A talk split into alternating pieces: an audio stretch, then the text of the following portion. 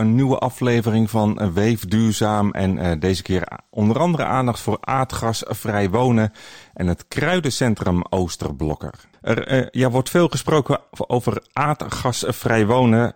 Samir Bashara is wethouder van GroenLinks in de gemeente Horen en hij legt het een en ander daarover uit. Ik ben natuurlijk primair wethouder voor de gemeente Horen en ik heb in die rol ook gewoon mijn primaire taak. Maar daarnaast werken wij op tal van onderwerpen uh, heel, heel hecht samen in West-Friesland. En dit is één zo'n voorbeeld. Uh, en in uh, West-Friesland hebben wij een drietal portefeuillehouders die daarin samen optrekken en eigenlijk een beetje de lead nemen. Dat zijn naast mijzelf Jeroen Broeders van het Rechterland en Harry Nederpelt van Medeblik. En met z'n drieën zijn we eigenlijk een beetje de voorhoede voor de samenwerkende portefeuillehouders, wethouders dus van, van de zeven West-Friese gemeenten. Dus allebei eigenlijk. Ja, en je denkt, uh, nou, er wordt mooi op tijd aan begonnen, want in 2050 hoeft het pas zover te zijn. Nou, om te beginnen is de ambitie in West-Friesland, de vastgestelde ambitie door de zeven gemeenteraden, eh, niet 2050, maar 2040. Dus wij willen energie-neutraal zijn in 2040, dus dat is al over, uh, over 20 jaar. Um, en niet over 30 pas. Dus dat is, dat is één. En twee, uh, dit is zo'n grote operatie. Daar moet je ook op tijd mee beginnen. Dus ik denk dat het eigenlijk alleen maar heel goed is dat, uh, dat je dat constateert. Dat we daar al zo ruim van tevoren uh, mee gestart zijn. Want dat is namelijk nodig om het ook te kunnen halen. Ja, en ja, zover vooruitkijken. Um, als we het hebben over de alternatieve warmtebron voor de toekomst, die lijkt nog niet echt bekend te zijn, hè? Nee, dat zal er ook niet één zijn. Uh, kijk, wat, wat het uitgangspunt wordt voor de toekomst is... het moet vrij zijn van fossiele brandstoffen. Uh, uh, en dat betekent dus dat je gebruik moet maken van of watgene wat gewoon altijd voorradig is. Dus zon en wind. En wie weet wat daar nog voor andere toepassingen in de toekomst bij gaan komen. En dan heb je nog steeds verschillende technische mogelijkheden om, om bijvoorbeeld huizen te gaan verwarmen in de toekomst.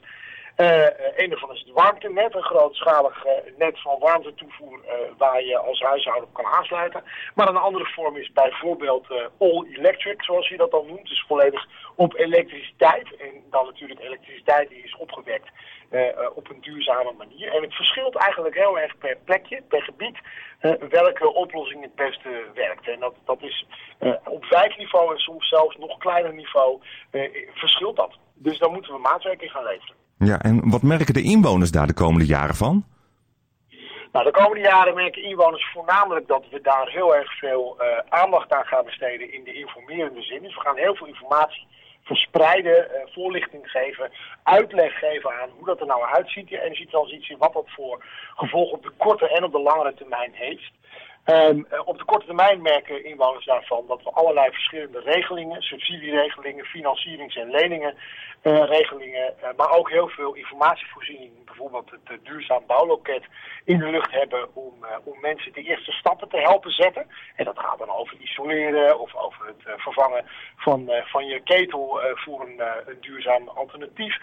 Um, en op de langere termijn gaan we merken dat er vroeg of laat een keer uh, gekozen gaat worden voor het dichtdraaien van de gaskraan. En dat we echt met z'n allen die overgang in, uh, ingaan. Maar dat is een uh, geleidelijk proces. Dus het verschilt een beetje per tijdsvak wat we er met z'n allen van merken. Maar het gaat wel echt nu beginnen. Ja. En kunnen inwoners nu ook al iets ondernemen?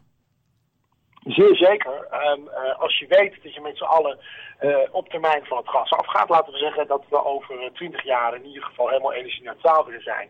En dus in een, een aantal jaren voor waarschijnlijk al met elkaar dat gas echt afgaan.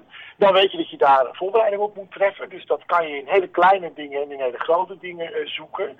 kleine dingen zijn zorgen dat je minder energie verbruikt. Dus isoleren, dubbel glas als je dat nog niet hebt. Kijken naar de isolatie. maar bijvoorbeeld ook, wat ik zelf toevallig onlangs gedaan heb is in mijn keuken van het gasfornuis afstappen en naar een inductiekookplaat toe gaan. Dat zijn investeringen die, die niet iedereen natuurlijk zomaar even kan dragen. Dus laten we niet daar al te lichtzinnig over zijn. Maar dat zijn wel stappen die mensen nu al kunnen zetten. Um, en voor het overige is het vooral zaak om je goed te laten informeren. En te weten wat er allemaal aan zit te komen. Ja, maar als, als bijvoorbeeld de cv het volgende week begeeft dan kun je gewoon nog kijken naar een, een nieuwe cv.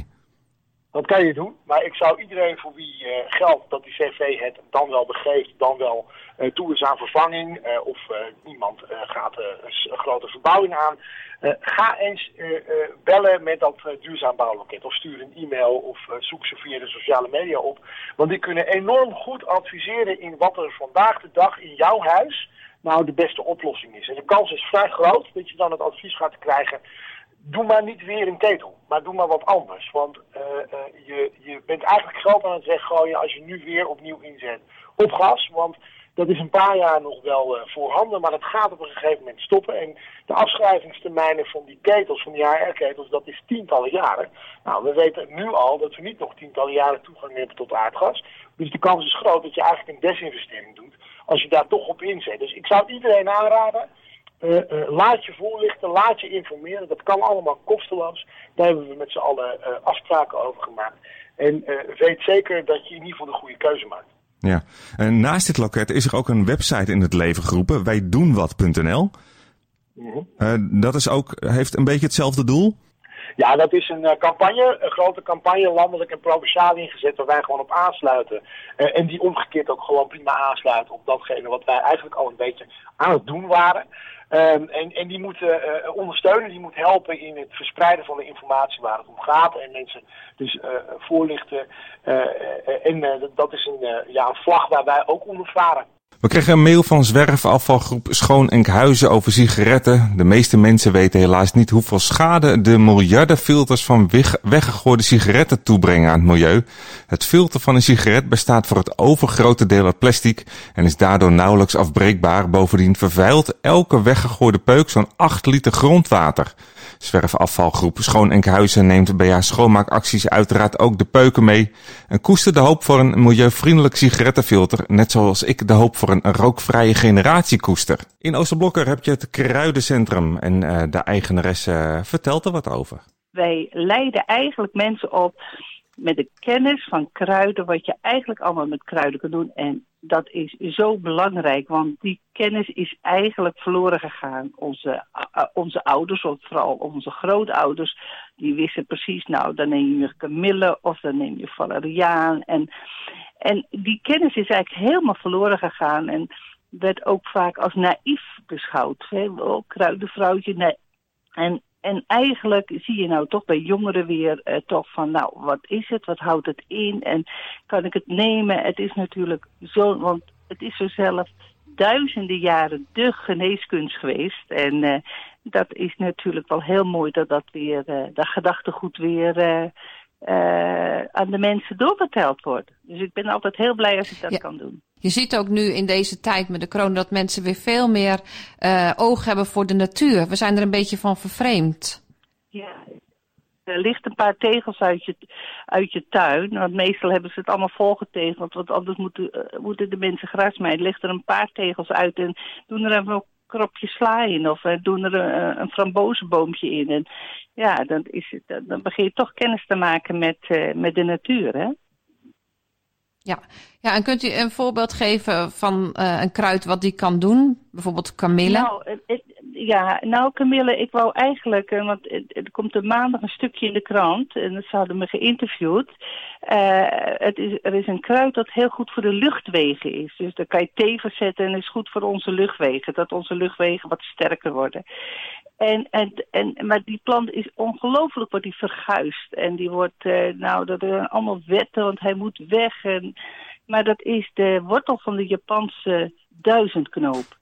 En die, uh, als mensen die wortels hebben, dan mogen ze met plezier bij mij brengen. En dan kan je thee van zetten en dan worden de longen sterker. En dat is natuurlijk wel een heel mooi kruid in deze tijd. Kijk, en dat is natuurlijk ontzettend mooi, want ik hou erg veel dat de mensen toch naar dokter gaan en met dokter spreken erover. Ik vind dat een arts en dan onze kennis hand in hand moet gaan. Dus het is niet van, nou, dan hoef je niet naar de dokter. Nee, helemaal niet. Maar als je dus van tevoren wat sterker lever hebt of een sterkere longen hebt, dat is alleen maar toe te juichen. Dus dan is dat zo mooi, dat noem je dan preventieve geneeskunde. Maar daar zijn de kruiden heel erg geschikt voor. Ja, en het vult elkaar eigenlijk aan, denk ik zo. Ja, uh... en, en nooit mopperen op elkaar, want dat geeft alleen maar irritatie. Er zijn zo ontzettend goede dokters en artsen, die moeten we gewoon in ere houden. Maar een stukje kennis van kruiden, die kan er zo mooi bij een kind wat verkouden is of zo. Of een kind wat slecht slapen kan. En je kan hem een kruidje geven of een theetje geven. Nou, dat is natuurlijk prachtig. Dan, uh, dat is gewoon, en ik denk dat heel veel artsen dit ook wel toejuichen. Ja, want er kunnen van kruiden ook uh, cosmetica, toch? Zalf en zo oh, gemaakt worden. Als je wist wat je allemaal kan doen, dan ben je... Nou, ja, kijk. En als je dat nou wil weten, zonder, moet je... Uh, zonder uh, nare spullen erin, maar ook het koken. Het, het, ja, we, we, maken zelf... we hebben bijna elke ochtend hier tot juni altijd mensen die eigenlijk het... heel West-Friesland wordt heel, heel kruidenkundig. Nou, helemaal goed. Dat is een mooi vooruitzicht.